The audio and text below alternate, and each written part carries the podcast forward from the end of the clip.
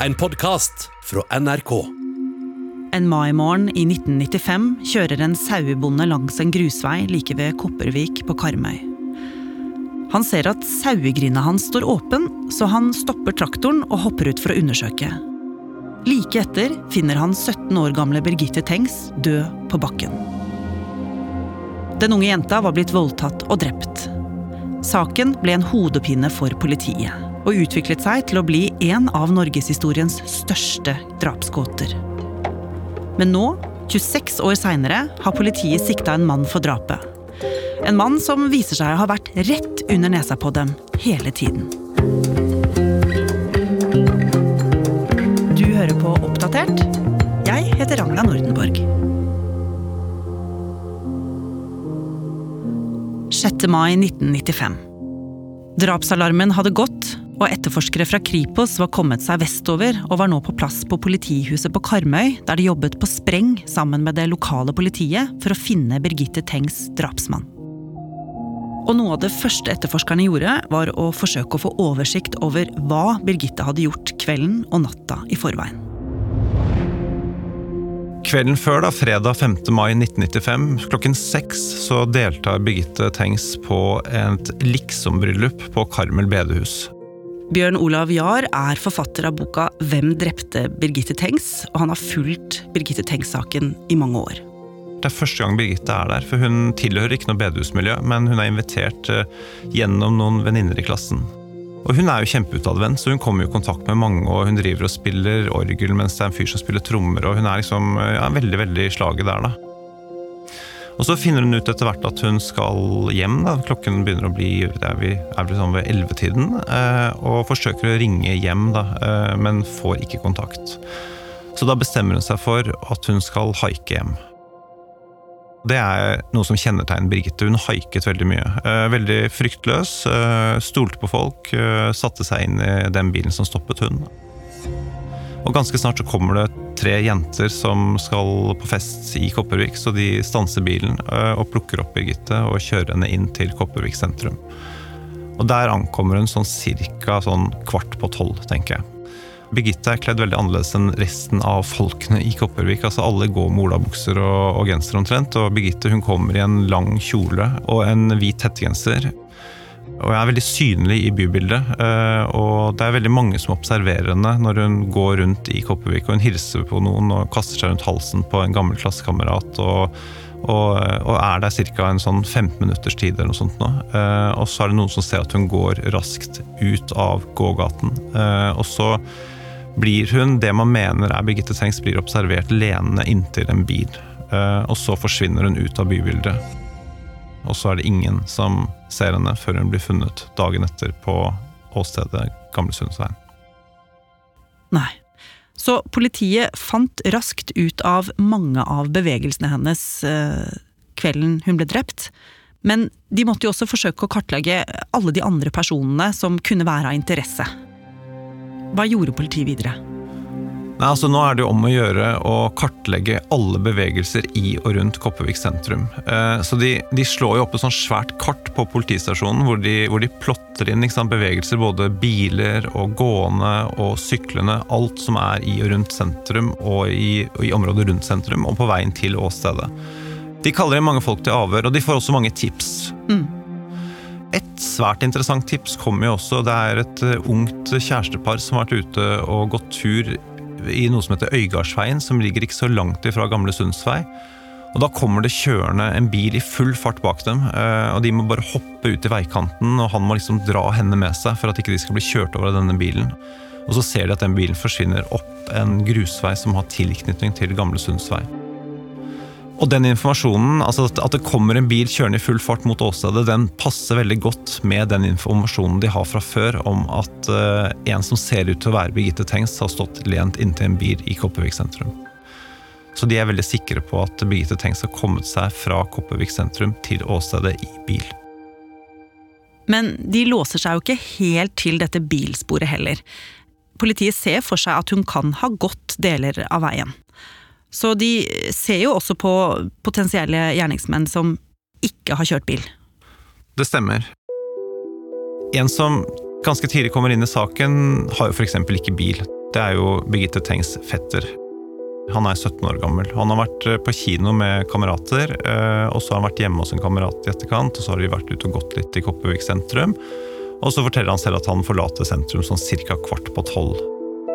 Politiet er ganske opptatt av han fordi de får noen tips. Eh, noen i lokalsamfunnet mener at han er en kandidat de bør se nærmere på. Hm, hvorfor det?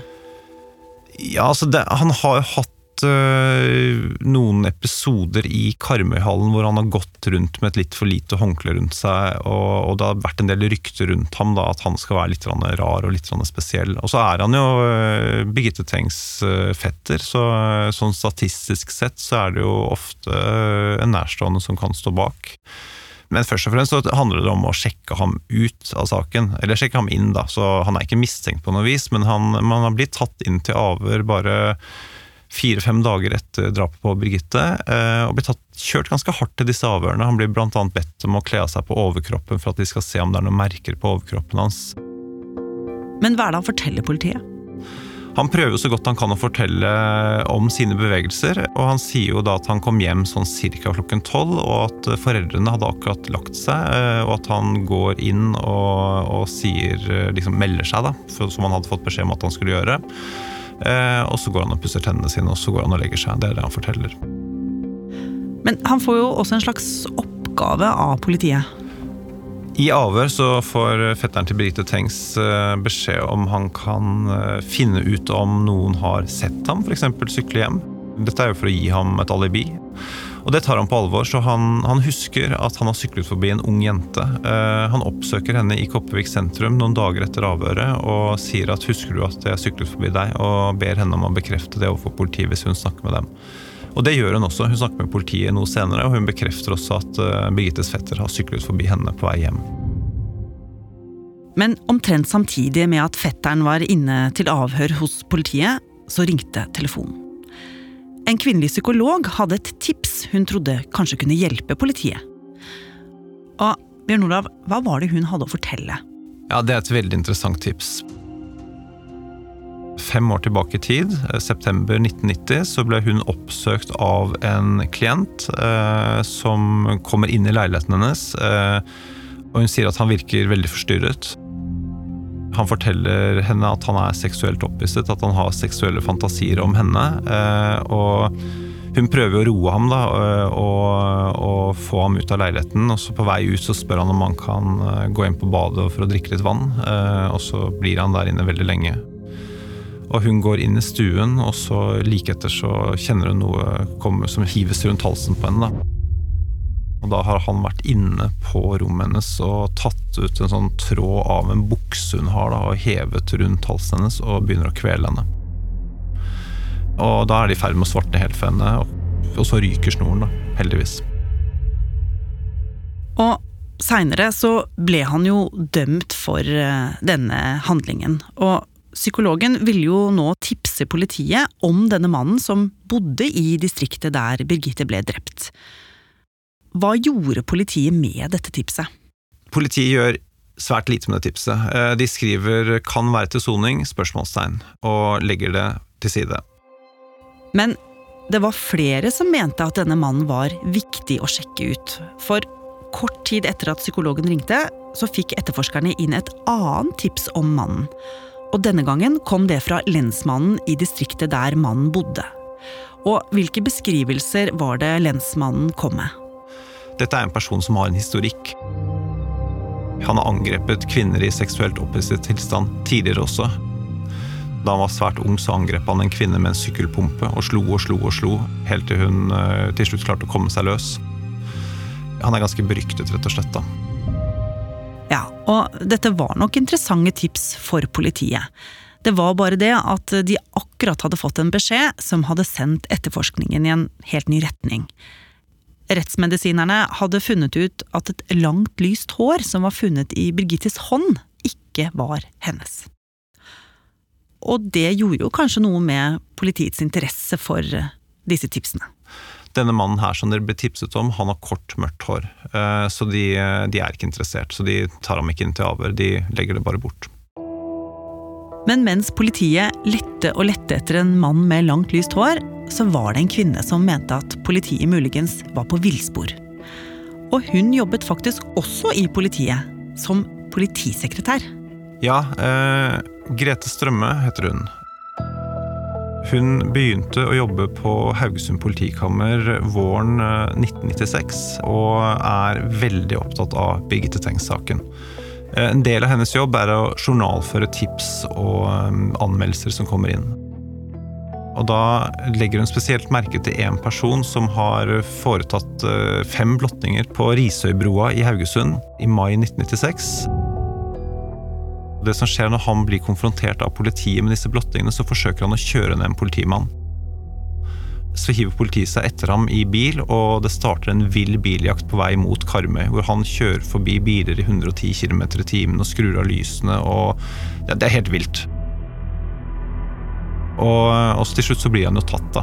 Og da reagerer Grete Strømme på denne voldsomme reaksjonen hans? Altså, Hva er det han flykter fra? Det er jo ikke bra at han blotter seg på broa i Haugesund, men, men eh, reaksjonen hans er uforholdsmessig sterk, da. Så hun bestemmer seg for å se litt nærmere på ham, og finner ut at han har mange sedelighetsforbrytelser på samvittigheten. At han har angrepet kvinner i seksuelt opphisset tilstand ved flere anledninger. Og dette er jo den samme mannen som psykologen tipset om, han som forsøkte å kvele henne, og som lensmannen også hadde tipset om. Grete Strømme hun blir veldig opptatt av denne mannen, eh, og hun ringer til etterforskningsleder Ståle Finnsdal eh, for å høre, forhøre seg litt mer om ham. Og Da forteller han at eh, ja, nei, de hadde, har, har, hatt ham inne til et avhør. Altså De tok han inn til avhør sånn ca. syv måneder etter drapet på Birgitte. Og, og Finnsdal bekrefter også at han ikke har noe alibi for drapsnatten. Så dette ansporer jo Grete Strømme, og hun ønsker å gjøre noe mer med det. Og hun går til sin nærmeste overordnede og forteller eh, også ham om det. Og han sier at det beste er at du skriver dette ned. Og da lager hun en rapport som er på 22 sider. Og denne rapporten leverer hun videre til politiet, og så hører hun ikke noe mer. For selv om politiet hadde funnet ut av at mannen hadde vært ute og kjørt i området den kvelden Birgitte ble drept, så var de fortsatt låst til dette hårsporet, og jakter altså en gjerningsmann med langt, lyst hår. Men ett og et halvt år etter drapet så får politiet en oppsiktsvekkende beskjed. Det stemmer. Da får de beskjed om at dette lange, lyse håret tilhører Birgitte Tengs. Her hadde det rett og slett skjedd en kjempestor feil, som selvfølgelig var kjempeødeleggende også for etterforskningen. Hva var det politiet gjorde nå? Dette åpner etterforskningen, og de bestemmer seg for å snu bunken. I denne bunken så finnes det jo mange kandidater. Særlig er de opptatt av å finne ut menn som kjørte alene på Karmøy, som ikke har noe alibi. Altså ingen som kan bekrefte hvor de har vært den. Og da finner de 13 personer. Deriblant denne personen som psykologen har tipset om. Og De tar ham inn til avhør, og han forteller at han ikke er kjent i Kopervik. Eh, han distanserer seg også fra åstedet. Han sier han ikke vet hvor Gamle Sundsvei er. Men her mener jo du at politiet muligens burde ha vært eh, litt grundigere? Ja, eh, Altså, han har jobbet like ved åstedet, eh, han har bodd i Kopervik. Så det er mange ting i dette avhøret som ikke er riktig, og som burde skjerpet politiets sanser ganske betraktelig. Men av en eller annen grunn, og den er veldig uforklarlig, særlig sett i ettertid, så velger de å legge denne mannen til side, for de har en annen mann i kikkerten. Nemlig fetteren til Birgitte Tengs. For politiet mente det ikke var så sikkert at han hadde kommet hjem litt over tolv, som han hadde sagt likevel. Det baserte de jo på at eh, jenta som fetteren hadde syklet forbi, ikke var eh, sikker på at dette tidspunktet stemte. Hun mente at han hadde passert henne senere. Og dette syns jo politiet var veldig interessant. Ja, i januar 1997 så hentes han inn til to avhør og han forklarer seg om sine bevegelser uh, igjen, sånn som han også har gjort i mai 1995. Og så er han jo ute av saken, tror han. Så noen dager senere, 8. februar, da er uh, fetteren han er på besøk hos sin kjæreste som bor i Stavanger. Da blir de bedt om å møte opp på politistasjonen. Hun er litt irritert, ettersom jeg husker, fordi uh, hun syns det er litt unødvendig at de skal gjøre det på en lørdag. De skal på fest, og, men han tenker at nei, her må vi bare møte opp og forklare oss.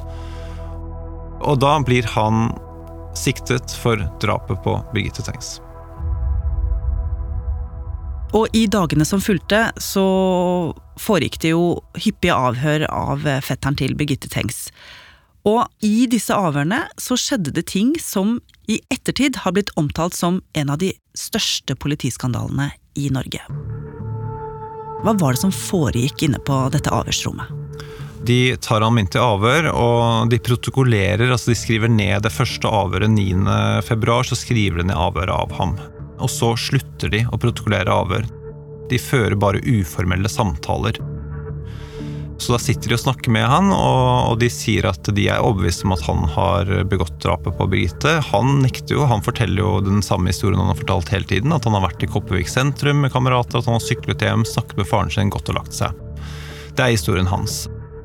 Og så skjer det noe etter et par dager, så kommer det et oppslag i avisen hvor uh, politiet har på en eller annen måte klart å plante en usikkerhet hos foreldrene, og så slår de det opp i avisene om at foreldrene trekker alibiet. Altså at faren hans ikke lenger støtter ham at han skal komme til hjem.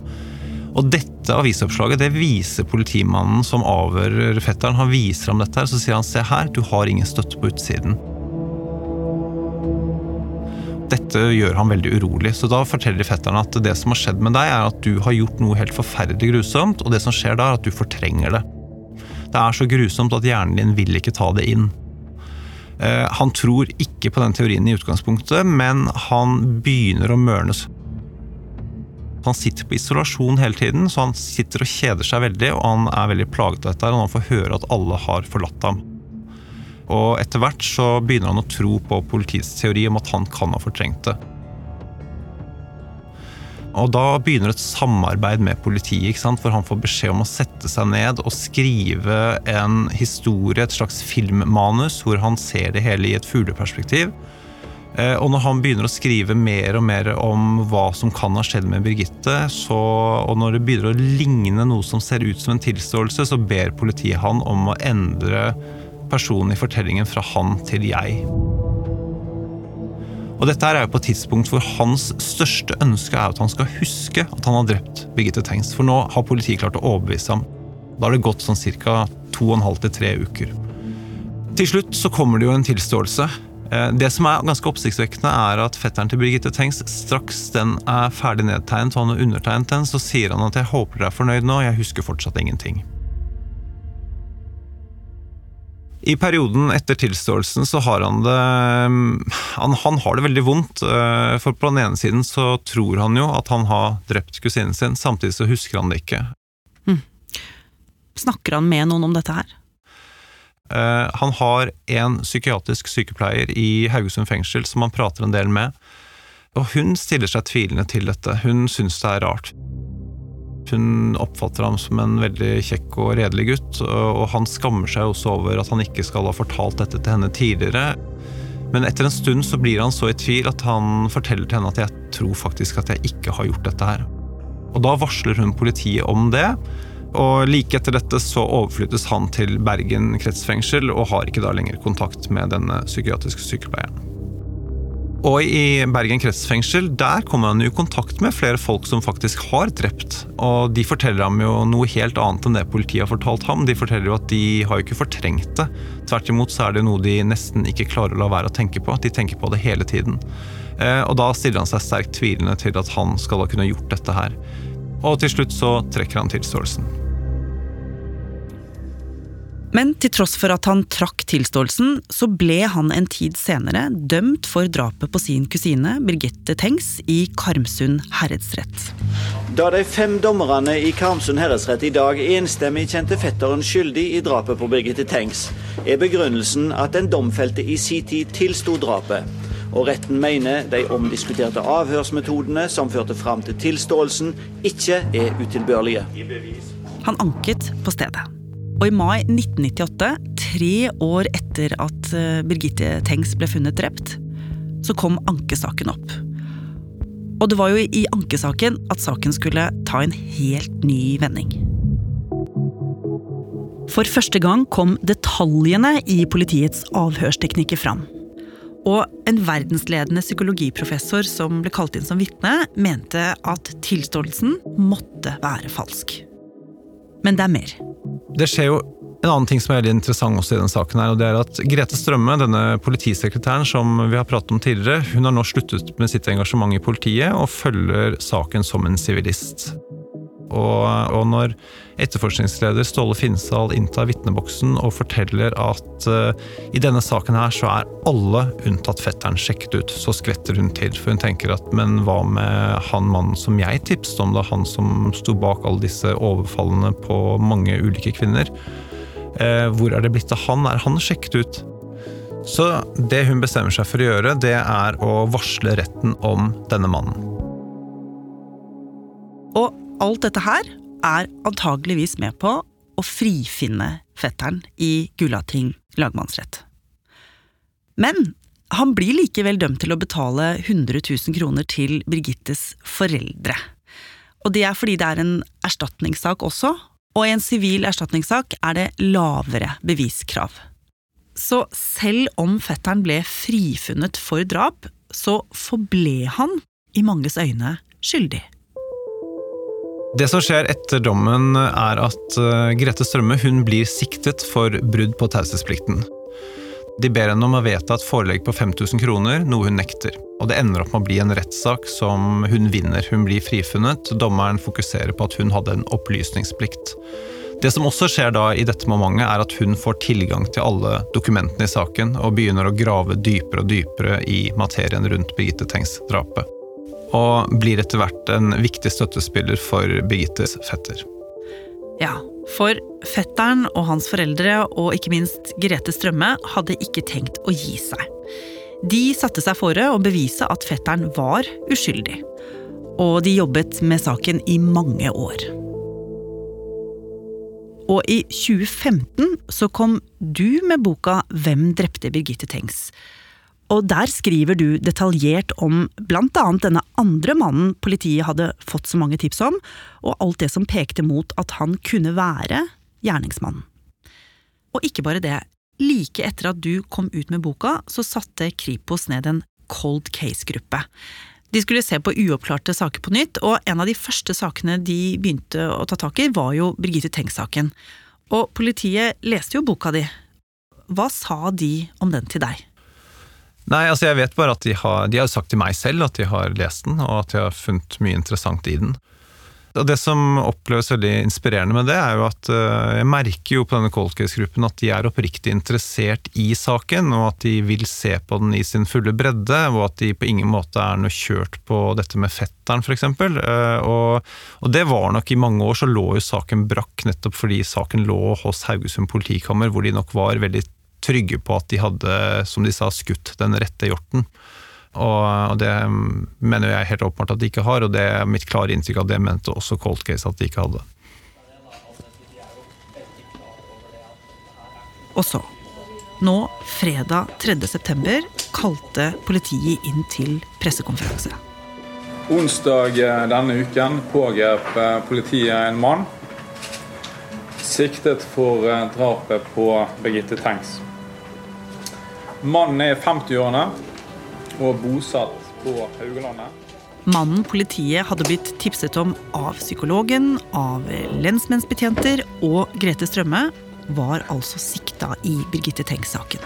Den nåværende siktelsen bygger på resultater fra DNA-undersøkelser, men støttes også av andre opplysninger i saken. Men ikke bare det. Samme mann var også mistenkt for å ha drept 20 år gamle Tina Jørgensen i Stavanger i år 2000. Også et uoppklart drap. Bjørn Olav, du har jobba med denne saken i mange år nå. Hva tenkte du om nyheten som kom? Når det først er noen som er blitt siktet, så, så, føles det jo som en lettelse at det er han. Fordi det er jo han jeg i størst grad fokuserer på i boken. Eh, jeg har vært veldig opptatt av, både i boken og ellers, eh, av at jeg peker ikke på ham, jeg bare viser til ham for å illustrere hva politiet ikke gjorde av helt åpenbare etterforskningsskritt. Eh, og, og sånn sett er det jo fortsatt viktig å si at denne mannen her er jo uskyldig inntil det motsatte er bevist. Ja, for om han faktisk blir dømt, det vet vi jo ikke ennå. For mannen nekter for å ha noe som helst med de to drapene å gjøre. Men det kan se ut til at politiet burde ha sett nærmere på mannen de fikk så mange tips om. I stedet presset de fram en forklaring fra fetteren som viste seg å ikke stemme. Med en avhørsmetode som i dag blir sett på som helt feil, og som overhodet ikke skal brukes.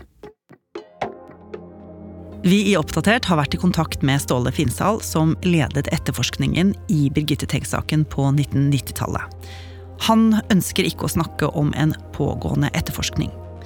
Vi har også vært i kontakt med Dagfinn Torstveit, som var lensmann på Karmøy da Birgitte Tengs ble drept.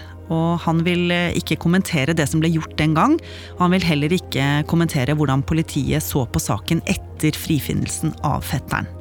Men han har sagt til TV 2 at han syns det er fantastisk hvis siktelsen fører til et svar med to streker under, og at det er en tung bør å bære dersom arbeidet de gjorde den gang, viser seg å være feil.